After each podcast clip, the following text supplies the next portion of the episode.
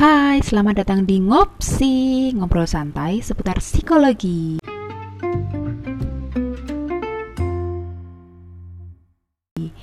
Karena kita selalu punya opsi untuk jadi lebih baik lagi.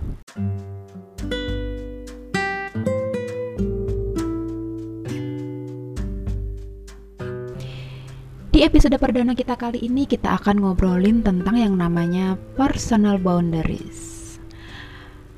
Aku mau mulai dengan sebuah cerita dulu nih ya.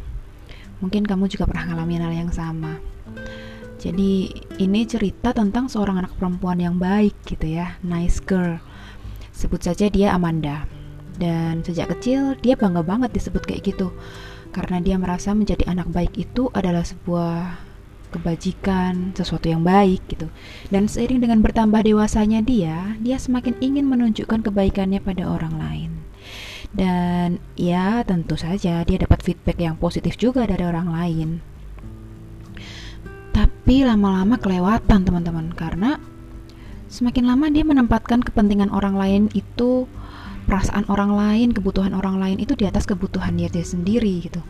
Perasaannya dia sendiri Singkat cerita, di usia dewasa, Amanda mulai mendapat masalah.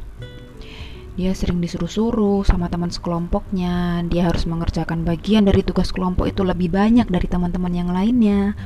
Orang tuanya sangat mengaturnya, suka mencampuri urusannya, bahkan mantannya pun ingin terlibat dalam kehidupannya dia. Dan seperti yang kalian duga ya, dia nggak bisa menolaknya dia mulai stres, mulai kelelahan, burnout. Dia sangat nggak nyaman dengan hidupnya. Dan di situ Amanda mulai menyadari, ah something wrong ini, Tuh ya. Jadi kisah tadi itu menceritakan tentang seseorang yang punya personal boundary yang lemah atau bahkan nggak punya personal boundary gitu ya. Apa sih personal boundary itu? Ya, personal boundary adalah batas atau ruang yang kita tentukan antara diri kita dan orang lain. Tujuannya apa? Sebenarnya menetapkan batasan ini juga untuk melindungi dan menjaga diri kita loh. Nah, tapi kenapa ya sering kali kita ini sulit membuat personal boundary ini? Uh, ada beberapa faktor. Yang pertama, kita sering atau bahkan selalu mengutamakan kebutuhan dan perasaan orang lain dulu. Nah, hati-hati nih ya yang kedua, kita kurang mengenal dan menghargai diri kita. Yang ketiga, kita kayak ngerasa aku nggak punya hak deh, jadi aku nggak usah ikut campur gitu ya, aku nggak usah berpendapat gitu. Yang keempat, kita punya pikiran kalau kalau aku buat batasan nanti malah akan ngerusak hubungan. Gitu. Atau yang kelima, ya emang karena selama ini kita nggak pernah belajar untuk memiliki batasan yang sehat gitu. Padahal ya teman-teman, Kenyataannya, menetapkan batasan pribadi itu adalah kunci untuk memastikan masing-masing orang dalam hubungan itu bisa sama-sama saling menghargai, saling mendukung, saling peduli.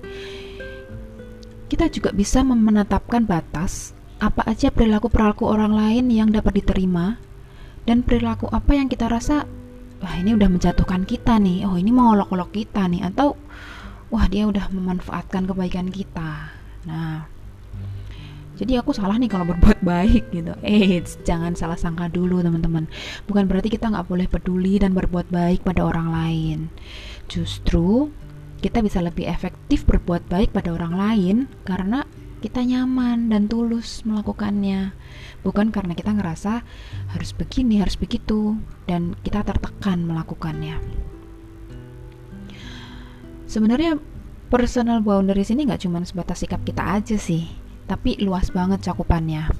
Next episode semoga kita bisa bisa bahas lebih dalam ya, tapi kali ini aku kasih previewnya dulu aja ya.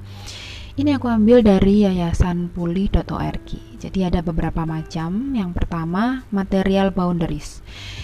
Jadi ini tuh menentukan uh, apa yang kita perbolehkan untuk diberikan atau dipinjamkan ke orang lain gitu. Ini terkait materi gitu ya terkait benda-benda seperti uang, mobil, pakaian, buku, makanan dan lain sebagainya. Jadi mana yang kita bisa kasih, mana yang enggak, mana yang kita bisa pinjemin, mana yang enggak. Nah, itu ada batasannya, ada boundariesnya. Yang kedua physical boundaries. Nah, namanya juga fisik ya, berkaitan dengan personal space, dengan privacy kita, dengan tubuh kita gitu ya. Contohnya kepada siapa dan kapan kita memutuskan untuk ya salaman aja atau kita memutuskan untuk bisa berpelukan atau lebih dalam lagi gitu ya.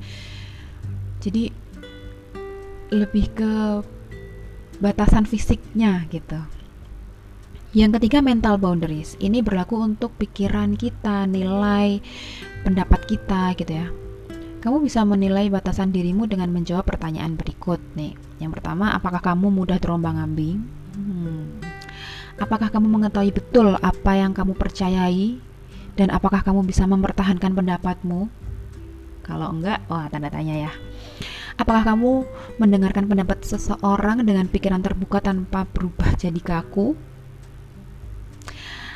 Jika kamu menjadi sangat emosional, argumentatif, atau defensif, kamu mungkin memiliki mental boundaries yang lemah, teman-teman. Uh, yang unhealthy gitu ya. Itu tentang mental boundaries. Kemudian selanjutnya emotional boundaries. Ini lebih spesifik lagi ya. Emotional boundaries ini membedakan pemisahan emosi dan tanggung jawab kita dari orang lain. Seperti uh, batasan-batasan yang uh, mencegah kita untuk memberikan nasihat berlebihan atau kita batasan untuk menyalahkan orang lain atau atau kita terima-terima aja disalah-salahin orang gitu. Nah, itu artinya batasannya lemah gitu ya. Batasan emotional boundaries ini juga menjaga kita dari perasaan bersalah atas perasaan negatif atau masalah orang lain. Jadi ya kesedihan orang lain itu bukan tanggung jawab kita juga kesedihan kita bukan tanggung jawab orang lain gitu ya batasan emosi yang sehat itu membutuhkan batasan internal yang jelas.